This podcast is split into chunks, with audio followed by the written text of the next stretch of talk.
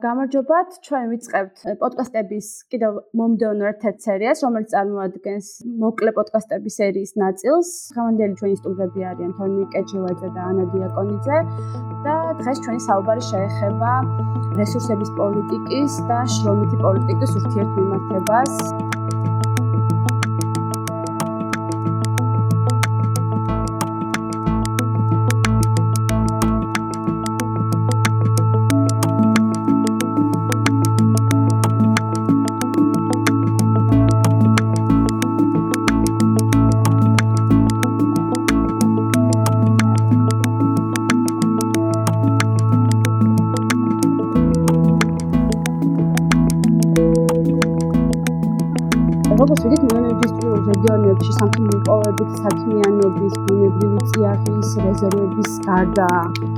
და აღარ ასევე არსებობს ერთი წუთებული სამუშაო ძალის უზარმაზარი რეზერვები. თავის მხრივ აღანაპირობებს განსხვავებულ შრომის ბაზარს მონოინდუსტრიულ ქალაქებში, სადაც კომპანიას ციცხვრივ გააჩნია ეს უზარმაზარი რეზერვი ბუნებრივი წიაღის სახით, ხოლო მეორე მხრივ გააჩნია იმიტომ, რომ დასაქმების სხვა სფეროები ნაკლებად განვითარებული არის, ეს მშრომელთა დიდი რეზერვები. და სწორედ ამ თემაზე მინდა დავიწყოთ საუბარი ანასთან და თორნიკესთან ერთად, თქვენგან რომელიმე რომელსაც ახლა სურვილი აქვს პირველი შემოვიდეს დისკუსიაში და შემდეგ შეგვიძლია გავყვეთ სხვადასხვა თემა მოვიცოთ ამ დისკუსიის ფარგლებში. მოგესალმებით. აა დიდი მადლობა მოწვევისთვის პირველ რიგში. აა რადგანაც კონკრეტული კითხვა არ არის დასმული, მე მაშინ ესე დავიწყებდი, რომ აა მონოინდუსტრიული ქალაქები რაც ახლა თამუნა აღშენ ახსენე არის საერთოდ ძალიან დიდი მე ესე ვიტყოდი რომ გარკვეულ თვალსაზრისით თავის ტკივილია თუ კი ახლა მე ვუყურებ და ვსაუბრობ როგორც შრომის და დასაქმების პერსპექტივიდან. ანუ ანუ ამ როგორც ამ სფეროს სპეციალისტი. ამ და რატომ? ხო ცხადზე ცხადია ის რომ მსგავსი ტიპის ქალაქებში თუმცა დასახლებებში ხე ჩვენთან მაგალითად ვიცით რომ ჭიათურა როგორც დასახლება თვითონად იმიტომ შეიქმნა რომ ეგ დაიწყო მანგანის მოპოვება.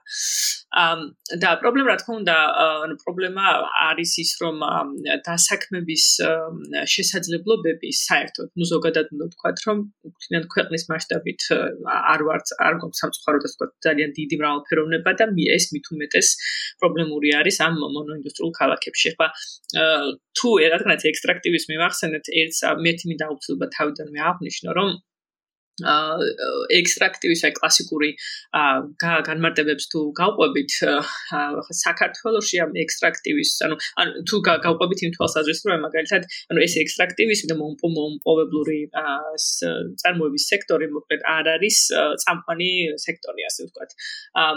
და თვითონ ვთქვათ იგივე ჭიათურის იქნება თუ აი ამ მონოინდუსტრიულ ქალაქებში თუ შევხედავ დასაქმებულთა რაოდენობა აა ვთქვათ ანუ ჩლიან სამუშაო ძალასთან შეფარდებით არ არის იმ ხელა რომ ჩვენ თქვათ რომ აი რაღაც ქვეყანაში მთლიანად ეს არის საყვანი სექტორი. მაგრამ მეორე მხრივ ხა მართალია კლასიკური განსაზღვრებაში არსება მაგრამ მე ვფიქრობ რომ არ უნდა ეს აღნიშნავს რომ ან კლასიკური რა რა ზოგიერთი ავტორის მიერ შემოთავაზებული განსაზღვრება მაგრამ მეორე მხრივ თუ რეალობას ავიღებთ ამ მონოინდუსტრიულ ქალაქებში იმის გამო რომ სხვა ალტერნატიული დასაქმების წყაროები ფაქტიურად არსებობს და იმის გამო რომ დანარჩენი ეს თქვათ თუ არ დასაქმდები მოკლედ ამ საბადოში იქნება თუ რაღაც მაშინ მადნეულის მოპოვების სექტორში და მაშინ მეორე ალტერნატივა გააქვს უბრალოდ რომ არაპროდუქტიულ სოფლის მეურნეობაში ჩაება ამ თვალსაზრისით თუ შევხედავთ მაშინ ამ ამ ქალაქებში ნამდვილად ამ ვთქვათ ამ წამყვანი სექტორია ეს ნამდვილად მნიშვნელოვანი ხდება ეს მით უმეტეს იმის გათვალისწინებით რომ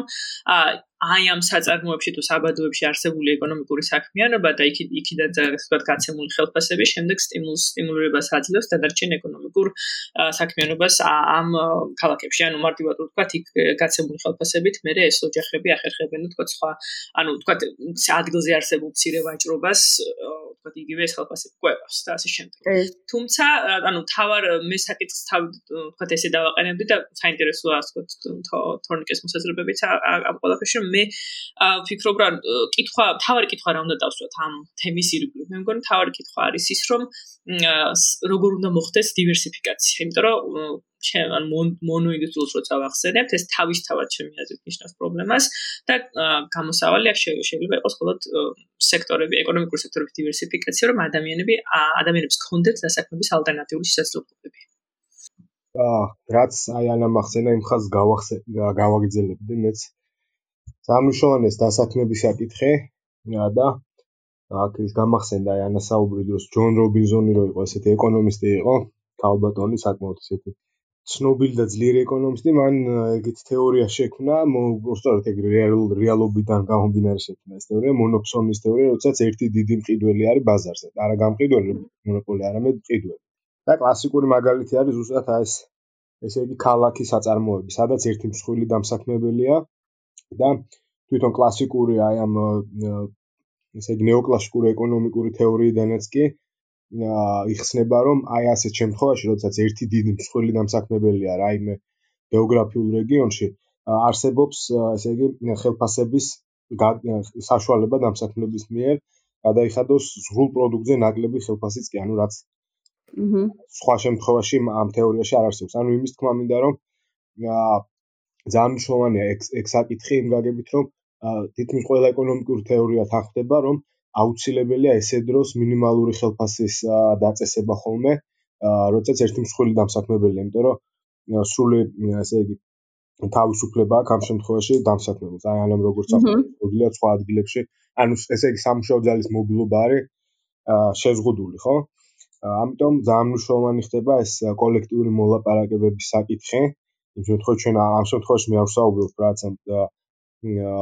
ესე იგი ეროვნული მასშტაბის მინიმალური ხელფასის დაწესებაზე, რომელიც ასევე შეიძლება იყოს საფუძვლიანი, უბრალოდ მე არ ვიცი ეს დათვლები და აჰა სექტორულ დონეზე მინიმალური ხალხი. სექტორულ დონეზე გულისხმობ, ანუ შესაძლებელი არ მხოლოდ სექტორულ დონეზე, არამედ კიდე შეიძლება იქ იყოს შაშლა, მაგალითად, რამდენად დივერსიფიცირებულია დასაქმება ამა თუ გეოგრაფიულ რეგიონში, ანუ ესე რომ ვთქვა, ეს არის საკითხები, რომელზეც პროფკავშირები განსაკუთრებით უნდა მუშაობდეს, იმიტომ რომ ანუ რატო რატო ვიძახე მას, რომ ძალიან ცხადი, ანუ თეორიიდან უნდა დავიწყე, ანუ ნეოკლასიკურ თეორიაშიც კი მიღებული ამით, რომ ეს არის ყველასთვის ცხადი აღიარებული, რომ ერთი მსხვილი დამსაქმებელი ბაზარზე არის პირდაპირ პირდაპირ საშუალება ესე იგი მაღალი ექსპლუატაციის. სწორედ ამიტომ აი საკითხი ძალიან მნიშვნელოვანია განსაკუთრებით ჭიათურისთვის და განსაკუთრებით ასე იგი ასევე შეიძლება კაზრეთიც მოვიაზროთ ამ ამ შემთხვევაში. აი საკითხი წამოჭრა დივერსიფიკაციასთან დაკავშირებით, ასევე შენ ისაუბრე ეს რაღაცა ესე იგი company town ეგრეთ წოდებული კომპანია საწარმოს ქალაქები, ხო? და ჩვენ ახლა შეგვიძლია ვიდაოთ მაგალითად იგივე ჭიათურა, იგივე ტყიბული, რამდენად არის ანუ შეიძლება ეს მონოინდუსტრიულ ქალაქად მოიხსენიოთ თუ საქართველოს საწარმოდ მოიხსენიოთ, იმიტომ რომ ფაქტი არის, რომ ჩვენ ერთი კონკრეტული კომპანია მონოპოლისტი ყავს აქ ამ ქალაქში წარმოდგენილი და სხვა ყველაფერი როგორც ანამ თქვა, იგივე არ ვიცი, მცირე ბაზრობები, აფთიაქების ფუნქცია და ბანკების ფუნქციონირებაც კი ჭიათურაში მაგალითად პირდაპირ მიბმული არის. ამ საწარმოზე, ხო? ანუ ეს ერთ საკითხი, თქვენ როგორ თქვით, ეხლა რა შეიძლება იყოს სწორი მეორე საკითხი დივერსიფიკაციასთან დაკავშირებით, ვკითხულობ მაგალითად ყირგიზეთის, ყაზახეთის შემთხვევებს, სადაც ეს ზევიდან დივერსიფიკაცია დაიწყო სახელმწიფომ და ეს რაღაცა პოლიტიკის დონეზე დაიწყეს, იმიტომ რომ მათაც ეს მონოინდუსტრიების დომინაცია საკმაოდ დიდი არის ამ ქვეყნებში. და რამაც საბოლოო ჯამში დიდი შედეგები ვერ გამოიღო, იმდენად რამდენადაც არ არსებობდა მასთან თამდევი სახელმწიფო პოლიტიკა, რომელიც მაგალითად ადგილობრივ დონეზე, თემების დონეზე დასაქმებულების ან შრომელების რეკვალიფიკაციით, გადამზადებით დაკავდებოდა, ხო? ანუ დივერსიფიკაცია ამდენად შეიძლება იყოს აქ გამოსავალი.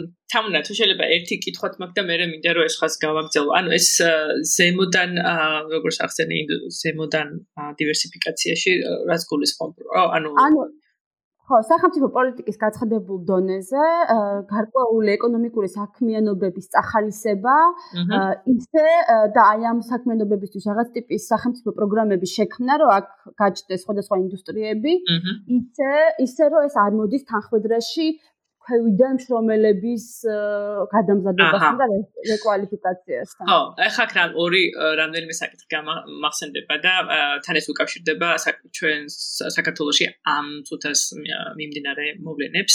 ამ ეს მნიშვნელოვანია რომ ახსენე, იმიტომ რომ პირდაპირ უკავშირდება ეს ასე ვთქვათ დასაქმების პოლიტიკას, ანუ კლასიკური გაგებით, რასაც გულისხმობს დასაქმების პოლიტიკა. და ანუ ნახეთ 2020 წლის იანვრიდან ჩვენს ქვეყანაში ოფიციალურად ფაქტობრივად დაიწყო ფუნქციონირება დასაქმების სახელმწიფო სააგენტო. აა და სხვა შორის ძალიან ბევრი ნიშნულოვანი რამე მოხდა 2020 წელს დასაქმებასთან მიმართებით, თუმცა არ ვიცი კორონას აა გაბრალი იყო თუ ისედაც ანუ საერთოდ არ ყოფილა პრინციპში საჯარო დისკუსიის ნაწილი, რომ მაგალითად პარლამენტმა მიიღო კანონი დასაქმების სერვისების დასაქმების ხელშეწყობის შესახებ, რომ ისე ქვია. მოკლედ, ანუ დასაქმების სააგენტოს შექმნა და პლუს მისი საკანონმდებლო, ასე ვთქვათ, ბაზის შექმნა, ანუ იდეაში და თეორიაში ძალიან სერიოზული ნაბიჯია. ქვეყნისთვის, რომელსაც ესეთი ინსტიტუტები არ ქონია. აა ნუ წლებია უკვე, ანუ მას შემდეგ რაც ეს სააკაშვილო სააკაშვილოს ხელშეწყობის გაუქმდა იქიდან მოყოლებული, მაგრამ ახლა საქმე რაშია?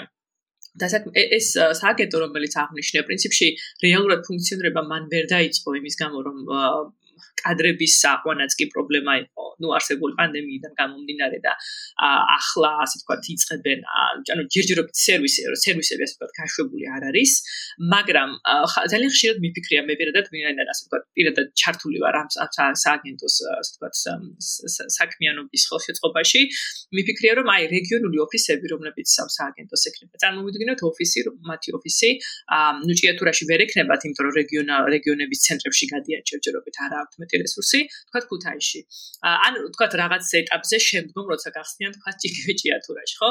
და მიდის იქ ამ ოფისში ნუ იდეა რა არის დასაქმების სამსახურების ხო? ეს ანუ აქ ველოსიპედი არავის არ გამოუგონებია ეს არის აღებული ჩვეულის პრაქტიკა როგორც ხდება დასავლეთის ანუ განვითარებულ ეკონომიკებში რომ უმუშავარი ადამიანი მიდის და ნუ რეგისტრდება რა სამუშაოს მაძიებლად და ამბობს რომ აი რაღაცა მიშველეთ რომ სამუშაო მინდა და არ მაქვს და რა რას თავაზობთ ამ დროს პირობითა წარმოიდგინეთ რას თავაზობს მას დასაქმების კონსულტანტი რომელიც ის ამ ოფისში. ჩემთვის ძალიან ჩემთვის ეს საქმე აი ვინმეს რო დაევალებინა რომ აი შენი მუშაობა დასაქმების კონსულტანტი ჯიჰატურაში იქნებოდა ნუ დავი წარმოუდგენლად რთული იმიტომ რომ კომიკური კომიკური ხო აი ძალიან ხშირად ეს მის აი ეს მისაუბრი ამაზე იგივე თქვა უცხოელ ექსპერტებთან რომლებიც ასე თქვა გუმხურვალეთ იმ ასე თქვა ცდილობენ რომ ეს წერენ და ვეუბნებ რომ რა ხდებოდა თქვენს ქვეყნებში ხო? თქვათ გერმანია იყო ეს თუ დანია აი თქვენს თქვენს ქვეყნებში ხომ არსებობს რურალური ანუ მარტო ქალაქები ხო არ არის ეს განვითარებული ეკონომიკები იქაც არის რაღაც მივარდნები სოფლები და იქ დასაქმების სამსახურში რომ ადამიანის ის ის რასაკეთებს კონკრეტულად ხო? ეხლა ნახეთ აქ რა არის საინტერესო. ძალიან ხშირად ამაზე მომისმენია რომ ჯერეთი ამ ვთქვათ ეს დროითი საკითხიც არის და ეს სივრცეები ეს რურალური სივრცეები იქაც განიცდიან განვითარებას და ახალი ალტერნატივები ადამიანებს უჩნდებათ მაგრამ მეორე და საინტერესო არის ეგრეთ წოდებული შრომითი მობილობა მე მგონი ესეც ახსენე თამნა შენ რომ ანუ შრომით მობილობა რას ნიშნავს რომ კაი ვთქვათ ნუ ეს ისეთი გამოსავალია რომ ამ წუთას უკვე ვამბობთ რომ ეცი რა ამ ეს დასაქმების კონსულტანტი ხედავს რომ მისი ვაკანსიების ბაზაში არც ერთი ვაკანსია არ არის დარეგისტრირებული ვთქვათ ჭიათურაში და არის მეზობელ რეგიონებში ან იგივე ქუთაისში. ხო ანუ ეს ცნობილი პრაქტიკაა რომ შრომით მობილობა შესთავაზო. ამ ადამიანს მაგრამ მობილობა რომ შესთავაზო მაშინ ანუ ამ ადამიანს უნდა შე ანუ ერთი ქალაქიდან მეორე ქალაქში სამუშაო წასვლა არ არის მარტივი აა ასე ვთქვათ მარტივი გადაწყვეტილება მით უმეტეს დაბალი სოციალური ეკონომიკური ფენის მქონე ადამიანს ელემენტარულად ბინის ქირობა ძალიან ბევრ ხალხთან არის დაკავშირებული ხო?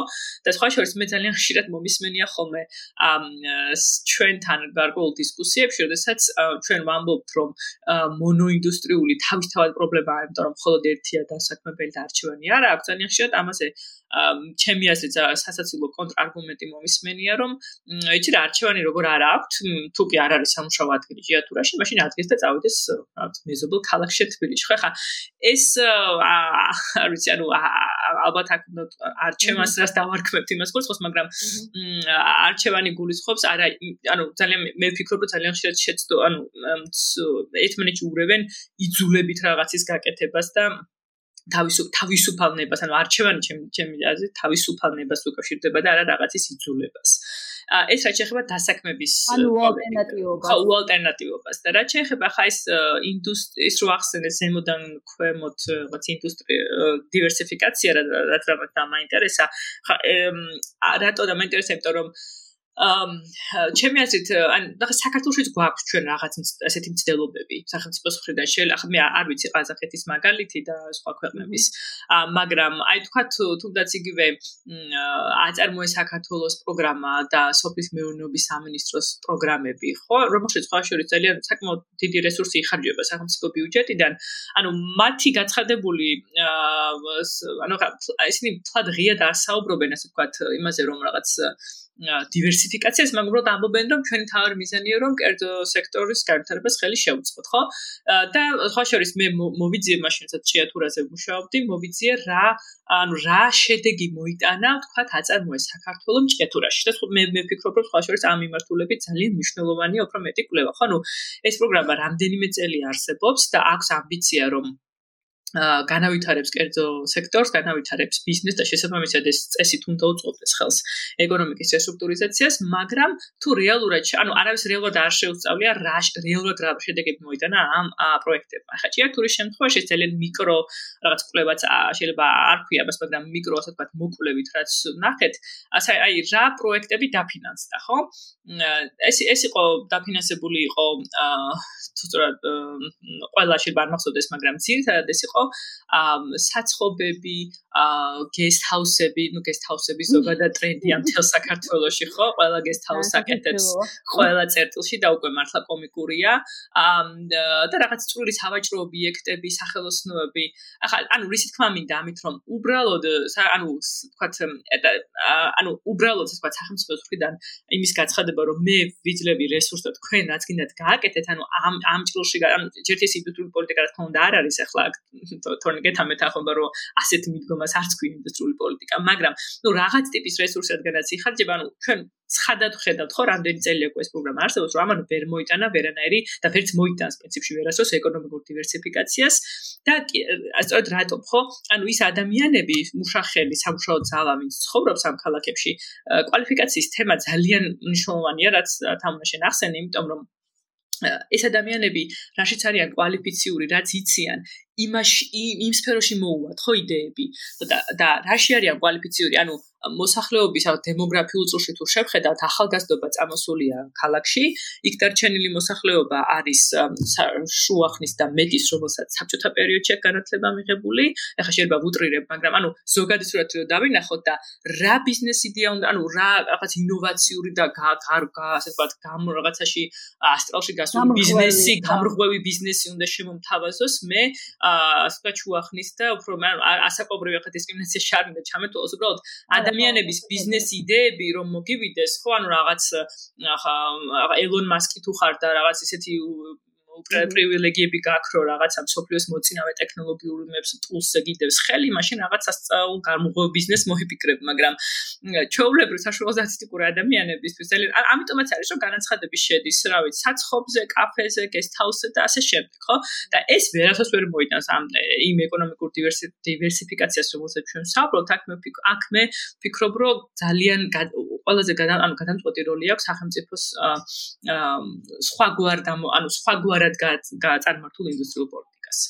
ხო, ანუ საუბარი აი დივერსიფიკაციაზე ხშირად არის ხომ ეკონომისტების პოლიტიკების პოლიტიკოსების მხრიდანაც და რაცა თითქოს მანტრად არის ქცეული ეს დივერსიფიკაცია, იმიტომ რომ დივერსიფიკაცია შეიძლება იყოს დაბალ კვალიფიკაციაზე რაც ანამახსენა არსებულ კვალიფიკაციასთან შესაბამისობაში რაც ხდება კიდევაც აწარმო საქართველოს თუმცა იმას შეარ დავეთანხმებ მეალას რომ დიდი დაფინანსება აქვს ანუ თუ ინდუსტრიული იმის სექტორისთვის არსებულ ზოგად ხარჯებს შევხედოთ საკმაოდ მცირე დაფინანსება აქვს როგორც აწარმოო საქართველოს ისე სოფლის მეურნეობის სამინისტროს თუმცა რა თქმა უნდა ძალიან მნიშვნელოვანია განსაკუთრებით უფრო მნიშვნელოვანია აწარმოო საქართველოს სოფლის მეურნეობის სამინისტროს პოლიტიკები ბევრად უფრო ახლოს არის არსებულ გამოწვევებთან და სოფლის მეურნეობის სამინისტროში უფრო არის სახელმწიფოს მხრიდან ესე იგი დაგეგმილი პროექტები. ანუ იმის თქმა მინდა რომ სახელმწიფო ასე თუ ისე უყურებს თუ რა რადარგის განვითარება გჭირდება სწავლობს საერთაშორისო ბაზრებს და ამის მიხედვით აკეთებს რაღაცა წახალისებებს, ხო? თუმცა ამასაც აქვს თავის შავარდნები, შემდგომ შეგვიძლია ვისაუბროთ ამაზეც. უბრალოდ რაც შეეხება დივერსიფიკაციის საკითხს, ხო, ანუ როგორი ტიპის დივერსიფიკაცია მოხდება, ეს არის მნიშვნელოვანი იქნება ეს თუ არა მაღალ ტექნოლოგიებზე ორიენტირებული დივერსიფიკაცია, ანუ როდესაც ვსაუბრობთ ეკონომიკის დივერსიფიკაციაზე, არა უბრალოდ სხვადასხვა დარგების წინ წამოწევაზე უნდა უნდა გულისხმობდეთ, არამედ ისეთ დარგების წინ წამოწევას, რომელიც რაღაცა ტიპის ტექნოლოგიურ დინამიზმს ქმნის ქვეყანაში და მოითხოვს ახალი ტიპის სამუშაო ძალას. ან მაღალ კვალიფიკაციურ სამუშაო ძალას. ხო, ну, აწარმოა საქართველოს ინდუსტრიულ პოლიტიკასთან ნამდვილად არ აქვს შეხება, იმიტომ რომ ელემენტარულად სახელმწიფოს დღეს არ გააჩნია გეგმარით გეგმარებითი პოლიტიკა. რომელიც ინდუსტრიულ პოლიტიკისთვის, ანუ ესე მთავარი კომპონენტი არის, ეს სხვადასხვა ქვეყანაში სხვადასხვანაირად ხორციელდება, თუმცა ანუ ამ დასახული მიზნების მეცაც ვიტყვი ხა ის ქვეყნები, ვინც ესე იგი სამხრეთ აღმოსავლეთ აზიის განვითარებულ ყველაზე ბოლოს განვითარებულ ქვეყნებად ითვლება, არა უბრალოდ გეგმარება, არამედ ხუთწლიანი გეგმები ქონდა თითქმის ყველას. ოღონდ რა თქმა უნდა ინდიკატორული დაგეგმა და არა ცენტრალური დაგეგმარებითი მექანიზმები, თუმცა მოკლედ იმის თქმა მინდა ძალიან მოკლედ რო ვთქვა რომ დღეს არის სახელმწიფოს გააჩნიას ფრაგმენტული ტიპის მექანიზმები რომლებიც აი მაკრო დონეზე ანუ ესე იგი მაღალ დონეზე ანუ ზემოდან რო შევხედოთ ეკონომიკის ანუ ნებისმიერი ეკონომიკური პოლიტიკა რომელიც დღეს საქართველოში არ არის სტრუქტურული ტრანსფორმაციისთვის ხელის შემწყობი არამედ სტატუს კოსთვის შემენარჩუნებელი ვერ ჩაითვლება გამოღვივად ამიტომ ფინანს დამატებით ფინანსების გაჩენა მაგალითად ტურისტული სექტორისთვის, მომსახურების სექტორისთვის კი რა თქმა უნდა გარკვეული სოციალური ეფექტების მოკლევადიანი სხვა შორის ეფექტების შემქმნელია, იმიტომ რომ თუ დავაკვირდები დინამიკას, იმდენივე ფირმა იქნება საქართველოს რამდენიმე იღუპება, სწორედ ამიტომ გვაქვს სტაგნაცია დასაქმებაში. რა თქმა უნდა, მას ექნება გარკვეული სოციალური შედეგები, თუმცა ამას არ ექნება განვითარების შედეგები, იმიტომ რომ არ ახდენს აქტიურად სამუშაო ძალის გადადინება ტექნოლოგიურ სექტორებიდან მაღალ ტექნოლოგიურ სექტორებში. არ ახდენს მოთხოვნის გენერირებას სამეცნიერო და შესაბამისად სამეცნიერო ცოდნის საწარმოო პროცესში გამოყენებაზე, ხო? და სრულიად მოყვები ამ მსჯელობებაში. უბრალოდ საინტერესო საკითხი არის ის და მე რაღაც არაერთი კვლევა და წამიკითხე ამის მიმართულებით და აი გიორგი ცინცაძემაც მაგალითად ახლა ხანს გამოაქვეყნა EMC-ზე საინტერესო სტატია ბუნებრივი რესურსები და შრომის ბაზა ეს რაც გიორგიც ასევე ამბობს იმას რომ ესე იგი სამთო მოპოვებით ინდუსტრიაში არსებული რაღაც დაახლოებით 10 დასაქმების ადგილი, როგორც წესი, სხვა ინდუსტრიებში იქნება ეს მშენებლო სხვა სფეროებში, აი მშენებლობის, ვაჭრობის, სერვისის რაღაცა პლუს დასაქმების ადგილებსაც აჩენს. და მაგალითად, როდესაც ჭიათურაში ჩადიხარ ადგილობრივებს ესაუბრები მათ მოგონებებზე ჩავწერ პერიოდის სამთო-მოპოვებითი მრეწველობის შესახებ და ამ დროს როგორი ტიპის ურთიერთობები არსებობდა და შრომის პოლიტიკა არსებობდა, მათ ძალიან კარგად ახსოვთ მაგალითად, რომ აი მაგალითად ჭიათურაში გარდა რაღაცა მაღაროში მუშაობისა, ასევე არსებობდა დიდი რაღაც კონსერვების ქარხანა, რომელიც ამარაგებდა აქ დასაქმებულ მუშებს საკვებით, არსებობდა რაღაც თამკერვალო ინდუსტრია, არსებობდა რაღაც მშენებლობის მასალების მოპოვების სხვადასხვა სფეროები და ინდუსტრიები. და თუნდაც აი ეს სფეროებია რო არ ვითარდება, რომელიც პირდაპირ მიბმული არის სამთა მოპოვებითი წარმოებისთვის საჭირო სერვისებს. და ის რაღაცა guest house-ებისკენ ან რაღაცა მცირე ტიპის რაღაც მეებისგან მიდის ეს პროექტებიც რაღაც ტიპის რაღაც ტიპის ანომალიაზე მიანიშნებს ეს ხო? რატო არ რატო არ აგენერირებს თავად ეს ინდუსტრია სხვა სფეროებში მოთხოვნას სერვისზე ან მომსახურებაზე ან იგივე დასაქმების ადგილებზე, ხო? ერთი ეს საკითხი და მეორე მეორე საკითხისაც უმეტესად დაბალკვალიფიციური მშრომელებზე არის ხოლმე მოთხოვნა. საიდან მოდიან ის მშრომელები, რომელიც უფრო მაღალკვალიფიციური და უფრო მაღალ თანამდებობებზე არიან, ხო? მაგალითად ინჟინრები, მაგალითად არის დამგეგმავები და სხვადასხვა ტიპის სპეციალისტები. ხო, როგორც წესი ეს სპეციალისტები თბილისიდან თბილისიდან ჩამოდიან ხოლმე და თბილისიდან არიან ხოლმე ეს ადამიანები დასაქმებულები. იგივე შემთხვევაში პოზიციებზე ზუსტად უკეთეს შემთხვევაში. თუმცა ზოგადად უცხოელები არ არიან საერთოდ. აბსოლუტურად, აბსოლუტურად. რატომ შეიძლება მაგალითად ადგილობრივ დონეზე მოხდეს, ხო, ეგეთი ადამიანების და შრომელების წახალისება და დასაქმება? კი, და მაგ ბოლოდან გავაგზავნებ თუ არის თუ დაასრულე თუ არა თამნა. ეგ არის ძალიან ალბათ ძალიან საინტერესო საკითხი პირადად ჩემთვის, იმიტომ რომ მაგალითად ახლა გავიხსენებ ესეთ ამის, რომ აა ანუ რაღაც თითქოს ხათმის და კვერცხის თუ არ ვიცი როგორი ან რომელი ანალოგია მოვიყვანო, რომ უფრო ინოვაციური სექტორები და დარგები რო გაჩნდეს, გჭირდება რა თქმა უნდა შესაბამისი კვალიფიკაციების ადამიანები, ან რომელსაც მან მაღალი კვალიფიკაციებზე მაქვს საუბარი, რომლებიც ინჟინრები იქნება თუ ნანოტექნოლოგიები თუ ანუ ამასე მაქვს საუბარი. თუმცა მეორე მხრივ აი შენ რომ აიღო და სახელმწიფო თქვას რომ აი მაგალითად მე ხა გამოზრდი ინჟინრებს ანუ ჩავდებ ინვესტიციას ამაში ასე შემდეგ მეორე პრობლემა ანუ ის შეიძლება კითხვა რომ ეს თუ ამ განათლების სფეროში მოკლედ ამ დარგი ამ ამ კვალიფიკაციების დაფინანსება დაფინანსებას არ მოყვა შესაბამისი შემხვედრი ეკონომიკური პოლიტიკა, მაშინ ეს კურსდამთავრებულები, თქვათ ინჟინრები რო იქნებიან თუ რაღაც ასე შესხვა, რას გააკეთებენ რომ დაასრულებენ სწავლას? ანუ არის ორი მაგალითი მე მოვიყვანო, ერთხელ ეს რაღაც საერთაშორისო კონფერენციაზე რო ამაზე ვსაუბრობთ, რომ ანუ ადამიანური კაპიტალის განვითარება ვიცით, რომ ძალიან მნიშვნელოვანია, ამაზე ყველა თანხდება, რომ ქვეყნებმა ძალიან დიდი რესურსი უნდა ჩადონ, ამაში დრო ეს ეკონომიკური განვითარების საწინდარია, მახსოვს ერთი ერთმა ჰარისი აფრიკის მგონი ნაირობიდან იყო ეს გოგონა თქვა გამიშვა ესეთი კითხვა რომ იცით რა ძალიან კარგიაო ეს ყველაფერიო კარგად ჟორს მაგალითად ჩემს ქვეყანაშიო ესო ანუ ძალიან დიდი ინვესტიციები ჩაიდო IT სფეროში რომ ასე ვთქვა აი ძალიან ბევრი IT სპეციალისტი ყოლოდა მაგრამ შემდეგ ეს IT სპეციალ კურსდამთავრებულები რადგანაც ვერ დასაქმდნენ, იმიტომ რომ ადგილობრივად შრომის ბაზაზე ასეთი მაღალი კვალიფიკაციის მოთხოვნა არ იყო.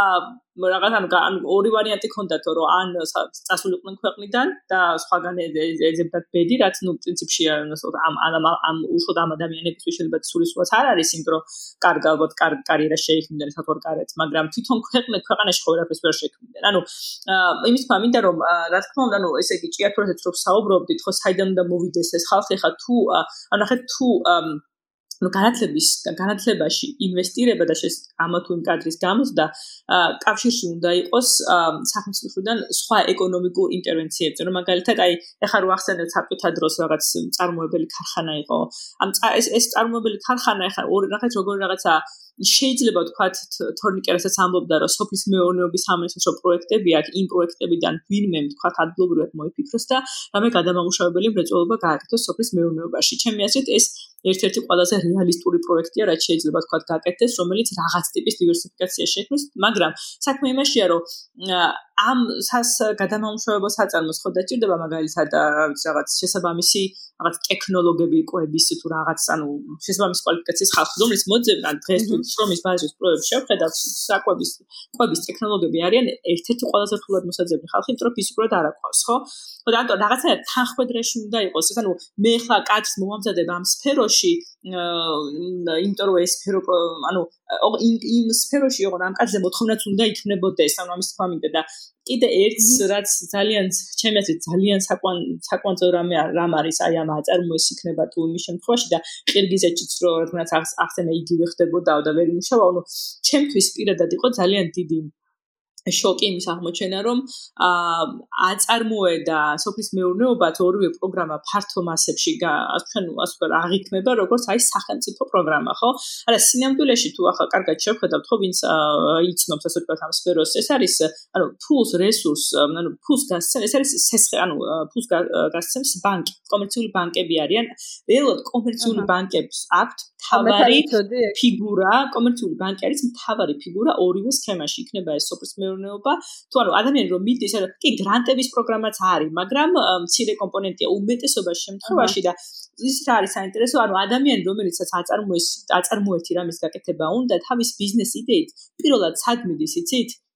აწარმოეს ოფისში არ მიდის ბანკში მიდის და ბანკის სესხის ოფიცერი ოფიცერმა უნდა ოფიცერი განიხილავს მის წინადადებას და თუ კი ჩათვლის რომ ეს არის რაღაც სიცოცხლის უნარიანი ბიზნესი, მაშინ საქმეში მაშინ ეუბნება სახელმწიფოს რომ კი მე ამას დავაფინანსებ და სახელმწიფო ეუბნება კარგი მაშინ მე მის პროცენტს პროცენტს მე გადავიხდი ამ სესხისას. ანუ ეს არის რეალურად სქემა, რაღაც ძალიან მომარტივებ, მაგრამ ეს რას ნიშნავს რომ გადაწყვეტილ ყველაზე მნიშვნელოვან გადაწყვეტილებას იმის თაობაზე თუ ვინ და რა უნდა დაფინანსებს იხეს კომერციული ბანკი.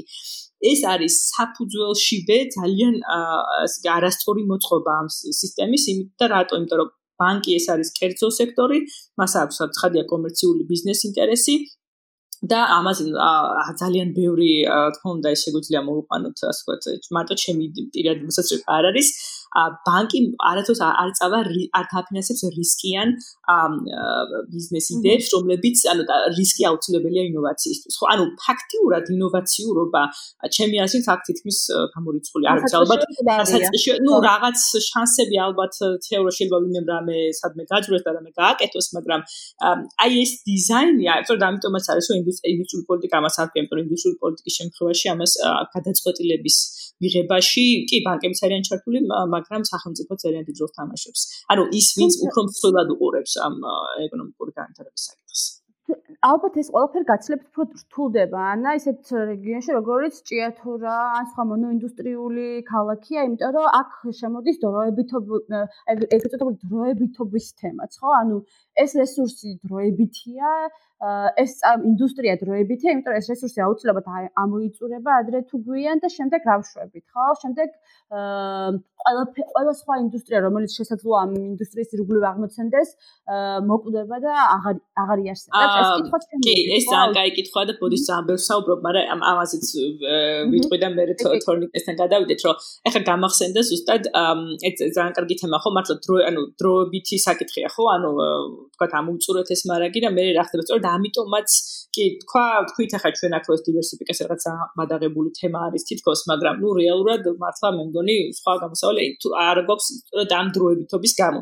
ხა მე მაგალითად გამახსენდა ქალაქი რური გერმანიაში ალბათ ერთ-ერთი კარგი ის თქოს ისტორიული მაგალითია თან როგორ გარდაიქმნა ეს მონოინდუსტრიული ქალაქი სადაც ხანახშირის მოპოვება ხდებოდა და მე როგორ გარდაიქმნა რაღაც ძალიან ნუ ჰაი-ტეკ ის არის ადგილი. ანუ და საქმე რა შეიძლება ანუ იმ ესე იგი იმ ნედლეულის მოპოვებასთან დაკავშირ, ანუ ესე იგი ეს ფანახშირი იყო იქ როგორც ფანახშირი იყო, ფანახშირის მოპოვება იყო, რომელიც ძალიან ისეთი იყო განემოს დამაბინძურებელი და ასე შემდეგ და იქ ეკოლოგიურ პრობლემებზე დღემდე საუბრობენ სხვათა შორის ამ რეგიონში გერმანიაში ასენი აქვია სპეციალისტები და მოსახლეობა, მაგრამ ისიც ფამინდა რომ იმ ფანახშირის მოპოვებით მე იმ ნედლეულით შემდეგ უკვე რისი გაკეთება შეიძლება და ანუ ის ფანახშირი ხო რაღაცისთვის გამოიყენება ცოტა უფრო მაღალ ტექნოლოგიურ. აი იმის წარმოება იმის წარმოება დაიწყო შემდეგ ესა ქალაქ. ანუ ნახეთ,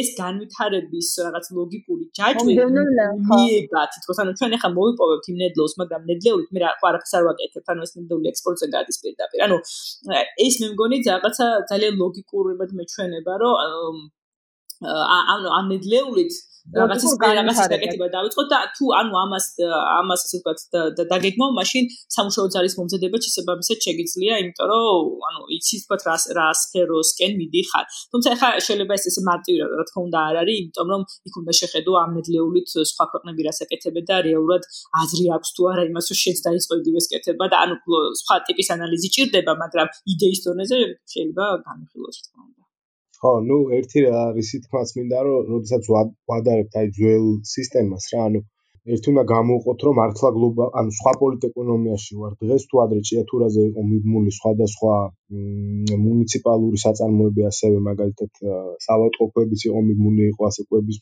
ობიექტები აქ მნიშვნელოვანია გავითვალისწინოთ ის რომ სხვა პოლიტეკონომია ანუ სხვა პოლიტეკონომიაში ვარსებობთ იქ წარმოების პირველადი მიზანი არ იყო მოგების წარმოება, ხო და შესაბამისად, ნუ არსებობდა რაღაცნაირი ესე ვთქვით, სურვილი კი არა და ესე იყო აგებული მოკლედ ეს პოლიტიკონია, რომ არა მაინც და მაინც მომგებიანი საწარმოების და აფერული განვითარების შესაძლებლობა იყო, ხო?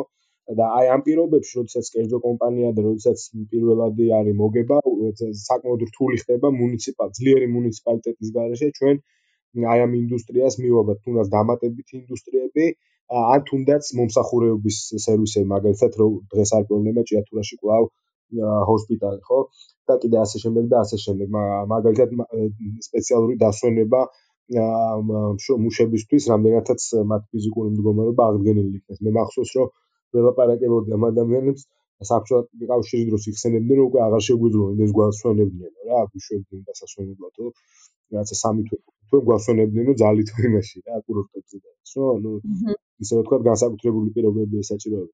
ანუ დღევანდელ სიტუაციაში ჩვენ ანუ ეს ორი მხარე რო გამოყოთ, ერთი ეს მიწოდების ესე იგი დამატებითი საწარმოსთან მიმული დამატებითი აა წარმოებები და მეორე ხრივას მომსახურებები აქ ძალიან მნიშვნელოვანია რომ გამოყოთ მუნიციპალიტეტის როლი და დღეს რა ვხედავთ ჩვენ რომ პირიქით კომპანიები ასრულებენ მუნიციპალიტეტის ფუნქციებს ხო? ფაქტობრივად მუნიციპალიტეტი სამეურნეო ფუნქციები ჩამორთმეული აქვს მუნიციპალიტეტს აა ნაცვლად იმისა რომ სწორედ ის იყოს წარმართველი მაგ ჩვენ ჩვენ ხშირად ვნახავთ იმას რომ გზებს და სოციალურ ღონისძიებებს ატარებს კომპანია რაც თავისთავად აჩვენებს სახელმწიფოსა და კერძო სექტორს შორის ძალის ასიმეტრიულობას, ხო?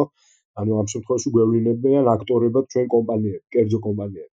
შესაბამისად ეს სიტუაცია საკმაოდ მნიშვნელოვანია, როდესაც საუბარია ხოლმე დეცენტრალიზაციაზე, რატომაც სულ ავიწყდებათ ის, რომ მუნიციპალიტეტი მუნიციპალიტეტს დღეს აღარ გააჩნია სამეურნეო ფუნქციები და სწორედ აქედან უნდა დაიწყოს დეცენტრალიზაციაზე. თუ კი საუბარი იქნება სერიოზული, რომ მაგალითად მუნიციპალიტეტს გააჩნდეს პირობითად ვიძახი ამ შემთხვევაში ეს მაგალითად სამშენებლო კომპანიები მაგალითად მუნიციპალიტეტს ეკუთვნოდეს მოვალეობა შედეოდეს წყალგაყვანილობა ასე შემდეგ და ასე რასაც ქვია სამეურნეო საქმიანობები ხო რომ ამასთან რა თქმა უნდა შეიძლება კომერციული საქმიანობები შედიოდეს როგორც ევროპაში ბევრ ქვეყანაშია მაგალითად სწორედ ეს საკითხი არის ძალიან მნიშვნელოვანი როდესაც დეცენტრალიზაციაზე საუბრობენ ხოლმე იმიტომ რომ ამის გარეშე და მეორე გადასახადების ამოღების საშუალება. დღეს შეზღუდული აქვს მუნიციპალიტეტს, ერთადერთი მუნიციპალური გადასახადი არის კონების გადასახადი და მეორე ეს როიალიტეტი ამ რომლებიც შეზღუდულია ასევე ამის ამ ამ გადასახადების გაზრდა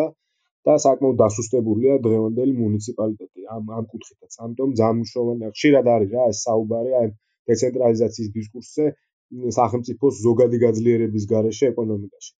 და რატომღაც მიიჩნევა რომ ეს არის უბრალოდ კადრების პრობლემა მუნიციპალიტეტში რომ აი უსაქმურები არიან და რაღაცა სინამდვილეში უსაქმურები ჭალებში ვიძახი მე სინამდვილეში იმიტომ არ აქვს მუნიციპალიტეტში იმიტომ ზიან ესე ვთქვა და არაფერს არ აკეთებენ რომ ფუნქციები აქვს მუნიციპალიტეტ ჩამორთმეული თუ მუნიციპალიტეტი მოვალეობაში არ შედის მაგალითად კანალიზაცია არ შედის მაგალითად რაცა გზა არ არ გააჩნია მუნიციპალიტეტს ეს ფუნქციები აღარ აქვს მუნიციპალიტეტს. უკვე რა თქმა უნდა, მუნიციპალიტეტი იქცევა უბრალოდ სოციალური სერვისების გამცემად, ანუ სოციალური დახმარების მიწოდებლად, რაც არ არის, ასე ვთქვათ, რთული. რაც შეეხება ეს სამუშაო ძალას რო დაუბრუნდეთ, ესეც მნიშვნელოვანი ასპექტი არის, რომ არაფერ აფრიკა კარგი მაგალითი იყო ძალიან მომეწონა, მაგრამ საქართველოსიც ჩვენ მქონდა ანალოგიური ზოგადად საფრთხე კავშირი როცა ინგრეოდა ესე იგი დასავლელი ექსპერტები სწორედ აი ამას უსვამდნენ ხას, რომ საბჭოთა კავშირში არის შედარებით კვალიფიკაციური სამუშაო ძალა და კაპიტალი იოლად აითვისებს ამ სამუშაო ძალას. ხო, ეს დაპირება, ანუ ეს დაშვება იყო, რომელიც სიამდვილეში არ გამართლა და აღმოჩნდა, რომ საბჭოთა კავშირის განგრევის საწყის პერიოდში სამუშაო ძალის კვალიფიკაცია ბევრად უსწრებდა წინ კაპიტალის კვალიფიკაციას, ესე რომ ვთქვათ, რაც ესეთი ტერმინი რო გამოვიყენოთ. ამიტომ ის თეზისი, რომელიც დღეს ძალიან მეინსტრიმულია, რომ აი ჩვენ გვჭირდება ცოდნაზე დაფუძნებული ეკონომიკა და ის რომ მუშიპუში უნდა განსაზღვროთ ჩვენ რამდენი უნდა იყოს განათლების დაფინანსება და ზოგადად ეგეთ პრაგმატული პოლიტიკა რომ განათლება კაია ანუ ეგ არის რა დღეს საქართველოს განათლების პოლიტიკა რომ განათლება კაია ეგ არაფერს არ ყველა მიცის რომ განათლება კარგია მაგრამ განათლება არ ქმნის სამუშაო ადგილს არსად და არსად არ ეგ არის ეს არის ფავა განათლება სად რო რას რომ რას რომ სფეროში რა მიმართულებით და რისთვის გვინდა? ანუ ეს და კონკრეტებები უნდა მიდიოდეს მან უკვე. თორე განათლება რო კარგია? ხო ანუ დღევანდელი პოლიტიკა არის ეგეთი რომ განათლება კაია დაფინანსება ჯერ ერთ მაგაშიც არ ვზდით მნიშვნელოვნად დაფინანსებას იმიტომ რომ კლუბებში ერთ-ერთ ყველაზე ცოტა დაბალი ფინანსები მიდის რეგიონულადაც თუ შევხედოთ ევროპულზე რო აღარაფერი ვთქვა და ამას ტრაგიკულად ემატება ის რომ განსხვავებით შეიძლება რომელიმე ქვეყანაში იყოს მაღალი დაბალი დაფინანსება სახელმწიფოს მხრიდან კლუბებში შედარებით დაბალი მაგრამ იყოს დიდი კერძო კომპანიების მხრიდან. მაგალითად გერმანიაში, ანუ თუ არ ვწდები, საკმაოდ დიდი წილია კერძო კომპანიების R&D, ხო? ანუ ეს კვლევა და განვითარებაზე. წადებული ჩვენთან ორივე დაბალია, სახელმწიფო და კერძო.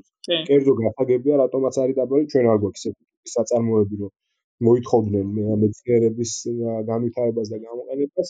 თუმცა ამას არ აბალანსებს სახელმწიფოს.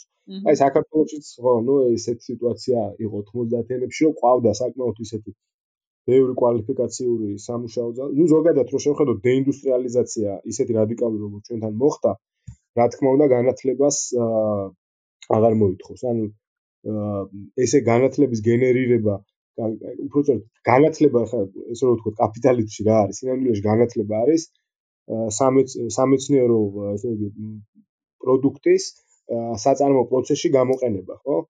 ამ საწარმო პროცესში ჩვენ არ გაქვს შესაბამისად ამ განათლებას როგორც აფრიკის შემთხვევაში იყო შენ იაფად ამზადებ ხო სხვისთვის მოსამუშაო დავას ტექნოლოგიური უნივერსიტეტიც ეგ პრობლემა არის დღეს და რა ცუდი ანუ შენ ვერ გამოხვალ და ვერ იტყვი რომ ცუდია რომ კეთდება ეს უნივერსიტეტი. ხო რა თქმა უნდა ისე როგორც ემი ეს და ეს რო იყო ანუ ჯავახიშვილში რო ეს გააკეთეს რა ქვია აა სან დიეგოს უნივერსიტეტის პროგრამა ხო ზუსტად იგივე ხო?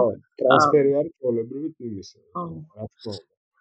და გადასახადებთან დაკავშირებით ერთი რაღაც გამახსენდა კიდე თამუნა შენ როცა საუბრობდი რომ აი ეს მართლა ეს დეცენტრალიზაციის ხარისხიც ალბათ ძალიან მნიშვნელოვანი საკითხი ხარ ასე თორნიკე საუბრობდა რომ მუნიციპალიტეტის ფუნქციები აქვს ჩამორთმეული. აი მე მახსოვს ჩვენ ჭიათურაზე როცა მუშაობდით მაშინ სადეთ მოგვეპოვებინა ინფორმაცია. ეს კომპანია ეს მომპოვებელი კომპანია გადასახადებს ჟანუ როგორ ნაწილდებოდა გადასახადები მიდის ნაწილი სახელმწიფო ნაწილი კი არა ძირითადი ნაწილი მიდის სახელმწიფო ბიუჯეტში და ადგილობრივ მუნიციპალურ ბიუჯეტში. ну გაცხადებულად წერია რომ რაღაც ნაწილი შედის, მაგრამ ფაქტიურად ეს ინფორმაცია ნუ ვერ მოვიპოვეთ. ანუ ასე ვთქვათ, ამბობენ რომ ეს არის სამი წარმოო, როგორც ქვია, საიტი მოება თუ რაღაც და და ამაზე ინფორმაციას არ გაძლევენ და ვიცით რომ ეს არის ძალიან მცირე წილი. ანუ ხო ანუ ახლა ანუ შეიძლება დავსვათ კითხვა რომ რატო რატო უნდა გადანაწილდეს ახლა თუ ამ რეგიონში მოიპოვებას რატო უნდა იყოს ეს გადაწილება ჩემი აზრით მინიმუმ 50-50-ზე მაინც უნდა იყოს ხო რატო უნდა მიდიოდეს რატო არ უნდა ხმარდებოდეს მოკლედ უფრო მეტი ნაწილი აი ამ ექსტრაქტივიზმიდან მიღებული ასე ვთქვათ დოლარის სამხა ნაკლავი და ეკოლოგიური და ხო უნდა იმაზე რომ ხო ანუ ადგილობრივად რა ვიცი ინფრასტრუქტურა მოეწყოს და გაუმჯობესდეს და ასე შემდეგ ხო. ანუ ეს მე მგონი წინა სამართლიანობის ის თვალსაზრისით უსამართლოა თვითონ ადგილობრივად მუნიციპალიტეტის მიმართ. აა, როდესაც აი ესეთი მოცემულობა გვაქვს ჩვენ ერთის მხრივ, მეორეს მხრივ აი მსგავსი მსგავსი ტიპის დასაქმების სივრცეებში განსაკუთრებულად მაღალი არის შრომითი ანუ არასტაბილური შრომითი გარემო. იმიტომ რომ კომპანიის წარმოების ინტენსივობა და მისი მოპოვების მდგრადობა განსაკუთრებით იმ პირობებში თუ სახელმწიფოს დენოზე არ არსებობს ცხადი რესურსების პოლიტიკა და მოპოვების პოლიტიკა აუცილებლად მიბმულია გარე საერთაშორისო ბაზრებზე არსებულ ფასთა ცვლილებას, ხო, მოცემულ პროდუქციაზე.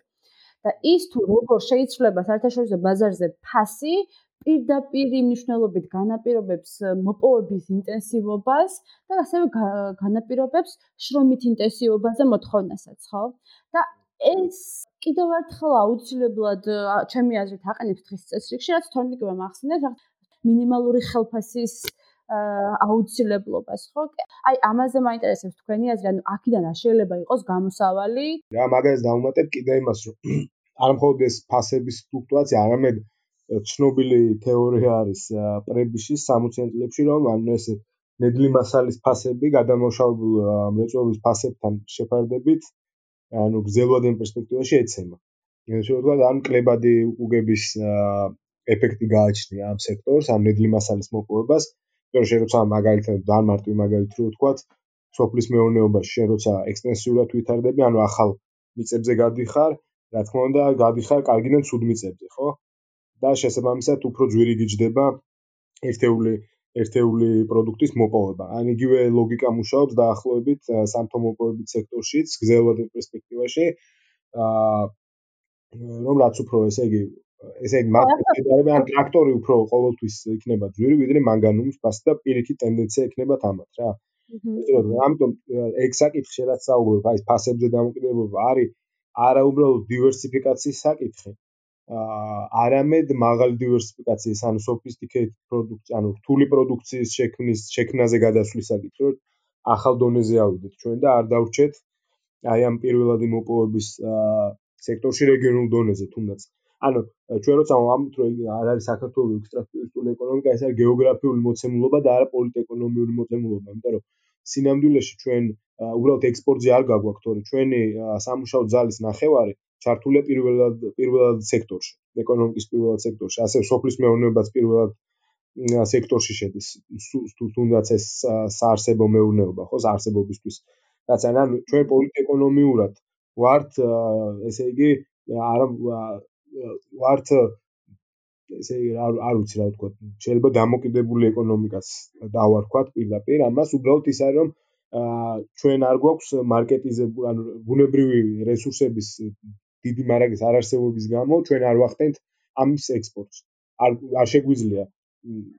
მაგრამ არსებული თანამედროვე რომ გაგვაჩნდეს ჩვენ აუცილებლად ვიქნებოდით ამ არსებული პოლიტეკონომიდან გამომდინარე და პოლიტიკური კლასიდან გამომდინარე აუცილებლად ვიქნებოდით ესე რომ კლასიკური კლასიკური სახის ექსტრაქტივისტული ეკონომიკა როგორც ხედავთ ამას არაფერი წინ არ უდგას არც რეგიონულ დონეზე არც ერთ ერთადერთი არის მშრომელების წინააღმდეგობა ხო ხო ესე რომ ამიტომ ჩვენთან ხშირად ვამხობ აი ინდუსტრიული პოლიტიკის გატარება და მსგავსი საკითხი ეს არ არის უბრალოდ რაც რაც პოლიტიკის რაციონალიზაციის საკითხი ეს არის პოლიტიკური ბრძოლის საკითხი და საკმაოდ შეიძლება იყოს საკმაოდ რევოლუციური რევოლუციური საკითხი ვიდრე მაგალითად უბრალოდ უფლებებზე საუბარი. ხო, ანუ ესეთი ტიპის ქვეყნებში, როგორც არის ჩვენი ინდუსტრიული პოლიტიკას, პოლიტიკის გატარებას ისეც მე როგორცაც გულისხმობ.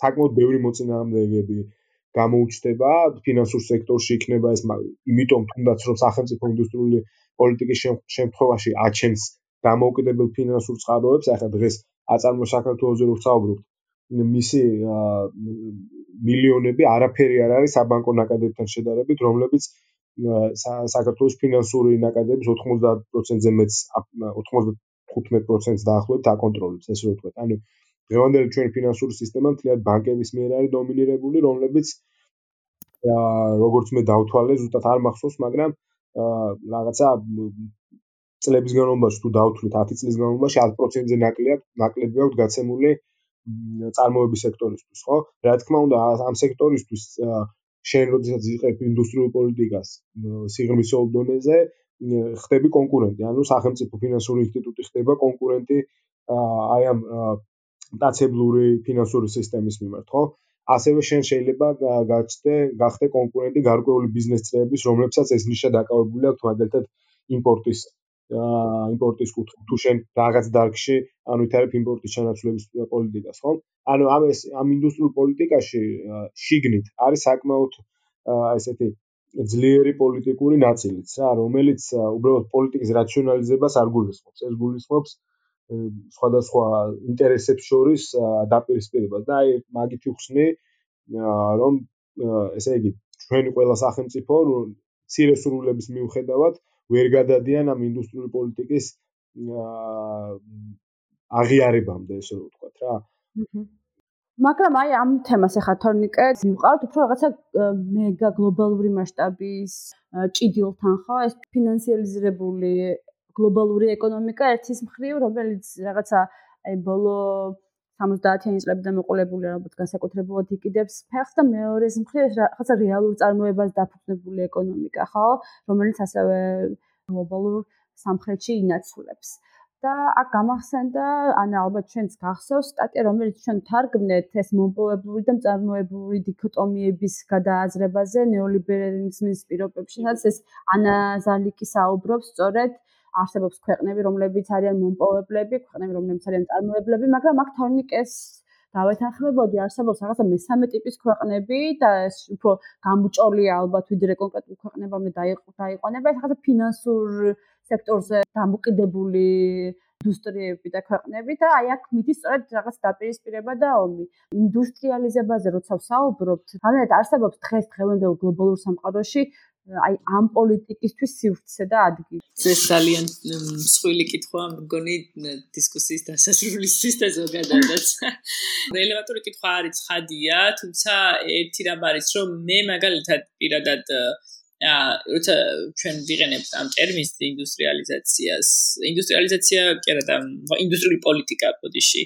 აა ანუ ინდუსტრიული პოლიტიკას იგივე, ანუ ეს არის მე ძალიან მომწონს აქ დენი როდრიგის ასე ვთქვათ როგორც ის განსაზღვრავს ეს არის ახლის კეთება ახალი ტექნოლოგიებით ანუ აქ არ გულისხმობ ჩვენ მაინც და მაინც რაღაც ძიმე მრეწველობას, ძიმე მრეწველობა კი არა, ანუ მოგეთ კლასიკური გაგებით ინდუსტრიალი, იმიტომ რომ ანუ რა თქმა უნდა გლობალურად პოლიტეკონომიური სივრცე იცვლება, ჩვენ აღარა ვართ იმ რაღაც ეპოქაში, როცა მაგალითად, ანუ იმ მაგალითებს პირდაპირ ვერ გაყვები, განვითარების მაგალითებს, რომლებიც სხვა ფორმებმა გაიარეს, იმიტომ რომ უკვე სხვა ეპოქაში ცხოვრობ. მაგრამ აი ეს ახლის კეთება ახალი ტექნოლოგიებით მე მაინც გონია მთავარი რაღაც ესე ვთქვათ ფორმულასავეთ რომელიც უნდა იყოს აქ წამყვანი რა. ახლა ჩვენ კი ვთქვით რომ შეკითხვით აბნა ძალიან ისეთ გლობალურ საკითხებში გადავედით, მაგრამ მეორეს პროგრამის როცა ანუ ისედაც მოგეთ ყველაფერი მაინც მიდის განვითარების იმაში კონტექსტში და ჭრილში, ხო? ანუ ხაი ჩვენ მონოინდუსტრიულ ქალაქებზე დავიწყეთ საუბრით, მაგრამ მე პირადად ვფიქრობ, რომ მონოინდუსტრიული ქალაქებისთვის რამე წამალი რო ვიპოვოთ ადგილობრივად, ანუ ადგილობრივი წამალი არ არსებობს ამ ქალაქებისთვის. თუ თვითონ ქვეყანაში არ მოხდა ესა ეს ეკონომიკის ეკონომიკის რესტრუქტურიზაცია. ანუ რაღაც ცალკე ესე იგი კონკრეტული ქალაქების და რეგიონებისთვის, ну, შეიძლება რაღაც პროგრამები გააკეთო, მაგრამ მე ვფიქრობ, რომ რეალურია იმ დივერსიფიკაციის მიღწევისთვის მნიშვნელოვანია, რომ თვითონ ქვეყანაში ხდებოდეს, ასე ვთქვათ, აი ეს ახლის კეთება, ახალი ტექნოლოგიებით, რაც აი ამ წაღანასაც ვამბობთ, ღირებულება და ჯაჭში უფრო ზედა იმაზე გადასვლას, გრგოლზე გადასვლას ნიშნავს, მაგრამ რომელ სფეროში იქნება ეს, რა მიმართულებით იქნება? აი ეგ უკვე მართლა ეგ არის აქ თავარი საკითხი, თორე ეს ჩვენ ზოგადად შეგვიძლია ვისაუბროთ, რომ აი ეს ინდუსტრიული პოლიტიკა კარგია, მაგრამ აა როგორ რომელ სფეროში და რანაირად ეს ეს კიდე ცალკე დებატების საკითხია. თუმცა იმაში დავეთანხმებით თორნიკეს, რომ აქ მართლა ეს ეს ეკონომი, ეს არის პოლიტეკონომი, ანუ პოლიტიკური ფაქტორი თქო უნდა ყოველთვის ფიგურირებს იქ თქო ბიზნეს ინტერესები, ლობირება, ასე. და კიდე ერთი გამოვიწყდა მაგ ფაქტორებს, შიდა ფაქტორები ჩამოთვალე და საგარეო დამოვიწყდა. ეგაა ძალიან მნიშვნელოვანი ხა. ჩვენ რა თქმა უნდა ვერ გადავხდებით ისე ინდუსტრიული განვითარების ინდონეზია რო კონკურენციაში შევიდეთ, ესე იგი მაღალ ტექნოლოგიურ ქვეყნებთან, თუმცა ეგეც გასათვალისწინებელია, რომ ჩვენ გვაქვს საკმაოდ ისეთი არასიმეტრიული ურთიერთობა სხვა თუნდაც მეზობელ ქვეყნებთან. და როდესაც შენ საუბრობ რომ ექსპორტზე ორიენტირებული ინდუსტრიალიზაცია აკეთებ, ისეც პოლიტიკური საკითხი, ამიტომ სხვადასხვა ქვეყნებს შორის დაპირისპირებაში, მაგალითად ირლანდიასთან ინგლისის დაპირისპირება და შემდეგ ინდოეთთან დეინდუსტრიალიზაციის პოლიტიკები გამოიყენებოდა როგორც აი ესე იგი დაპყრობის ერთ-ერთი ფორმები, ეს ქვეყნის ანუ აა პოლიტიკურ დისკურსშიც და ნაწილობრივ აკადემიურ დისკურსში ჩვენი ევროინტეგრაცია, ჩვენი დასავლეთთან ინტეგრაცია 90-იან დღემდე ახმულია როგორც ჰარმონიული პროცესი და არა როგორც კონკურენტ ესე იგი დიდ კონკურენტულ ბაზარზე შესვლის პროცესი, რომელშიც არავინ არაფერს არ გპატიობს და არავინ არ გითმობს ადგილს, ესე რომ ვთქვათ. ამიტომ მცირე ქვეყანაზე როცა ვსაუბრობთ ინდუსტრიული განვითარების კუთხით, რა თქმა უნდა, ამას ჭირდება სერიოზული გეოპოლიტიკური კონტექსტების არსებობაც რა. მაგალითად სამხრეთ კორეის ესე წარმატებული ინდუსტრიალიზაცია შეუძლებელი იქნებოდა რომ არა დაძაბულობა ამერიკასა და საბჭოთა კავშირის შორის ხო? იმიტომ რომ ამერიკას ესაჭიროებოდა კომუნისტური იდეის გავრცელების შეჩერება და დაეხმარა ძლიერად დაეხმარა ინდუსტრიალიზაციაში. მაგალითად პოლონეთს საკმაოდ ძლიერად დაეხმარნენ როდესაც ვალები უამრავი ვალები ჩამოაწერეს საწყის განვითარებაში და ასე შემდეგ. ამიტომ ამას დიდ პოლიტიკური ნაწილიც აქვს. არავინ არ ელოდება რომ საქართველოს სიპირობითად ვამობ, არავინ არ დაუთმობს საქართველოს რომ კაი ტელეფონი შექმნას და წარმოებაში ჩაუშვათ. ეს ჩაუშვას ესე რომ ვთქვა. ანუ ეს ინდუსტრიული განვითარების დონე შემთხვევითი არ არის რომ ძლიერ ქვეყნებს ეძახით ხოლმე ჩვენ ინდუსტრიულ ქვეყნებს რა. ეს არის ძლევამოსილი ქვეყნების საკუთრება. დღეს და ამიტომ ჩვენ რაღაცნაირი ჩვენ არ ქვეყნებს ესაჭიროებათ რაღაცნაირი პრაგმატული ცურვა ამ დიდ ქვეყნებს შორის, ხო? და მithumetes რო შევხედოთ ახლა ჩვენ ბოლო 70 წლის სოფლიო მობილობას ამ სტატიაში რომელიც გამოქვეყნდება, იქ მოყვანილი იყოს ვეიდის გამოთვლებიც არის, სადაც გვაჩვენებს თუ რამდენმა ქვეყანამ მოახერხა გამდიდრება რა. და როდრიკი როდრიკის ციტატაც მაქვს ასევე სადაც მოცემულია თუ როგორ გაზრდილია ყველაზე დიდარ და ყველაზე ღარიბ აა ქვეყნებს შორის სხვაობა. ანუ საკმაოდ მცირე ამ ქვეყნების რაოდენობა, ვინც გამდიდრდა ბოლო 100 წლის განმავლობაში და ბევრად დიდია, ვინც გაღარიბდა. ამიტომ ჩვენ როცა ვსაუბრობთ აი ამ განვითარების პროცესებზე, ამ უნდა დაგვაუწყდეს, რომ ვართ აი კონკურენტულ საბაზრო სოფლიოს კაპიტალისტურ სისტემაში, სადაც შენ არ არ გაქვს ესე იგი თავისუფალი ცურვის საშუალება. შეიძლება საჭიროება დამატებითი პოლიტიკური ბერკეტები და არავინ არ დაგითმობს შენ ბაზარზე ადგილს. ამიტომ როცა ვსაუბრობთ ხოლმე ამ ევროკავშირის ინტეგრაციაზე და აი ამ თავისუფალ სავაჭრო ხელშეკრულებებზე სამწუხაროდ საქართველოში არ მიდის საფუძვლიანი საუბარი ამ საკითხებზე და არ მიდის არც პოლიტიკურ კლასში ლობირება სწორი გაგებით. მაგალითად როდესაც შენ ხელს აწერ თურქეთთან თავისუფალ ვაჭრობას შენ არ დგები ამას როგორც ადგილობრივი კაპიტალის ინტერესებიდან გამომდინარე ხო? ანუ ნუ ბევრი კუთხე აქვს ამას ესე რომ ვთქვათ, რომელსაც ესაჭიროება ახალი ტიპის პოლიტიკური კლასი, ესე რომ ახალი ტიპის პოლიტიკური კლასი, რომელიც მეტნაკლებად მაინც არსებულ პირობებში ორიენტირებული იქნება ნუ ეხლა უკვე მივიდივართ სხვა თეორიებამდე როგორ შეიძლება სახელმწიფო იყოს სახელმწიფო ბიუროკრატია როგორ შეიძლება იყოს რომელიც იბრძოლებს საკუთარი ესე რომ ვთქვათ შიდა ინდუსტრიის მნიშვნელოვანი კითხვები დაისვა და ამ კითხვებზე პასუხზე ფიქრი შეიძლება როგორც შეგვიძლია სხვა პოდკასტებში ან სხვა ფორმატებში ვიფიქროთ. მაგიდი მადლობა, დავამშვიდობოთ მას ჩვენს მსმენელებს და სხვა ეპიზოდებითაც დავბრუნდებით. მადლობა.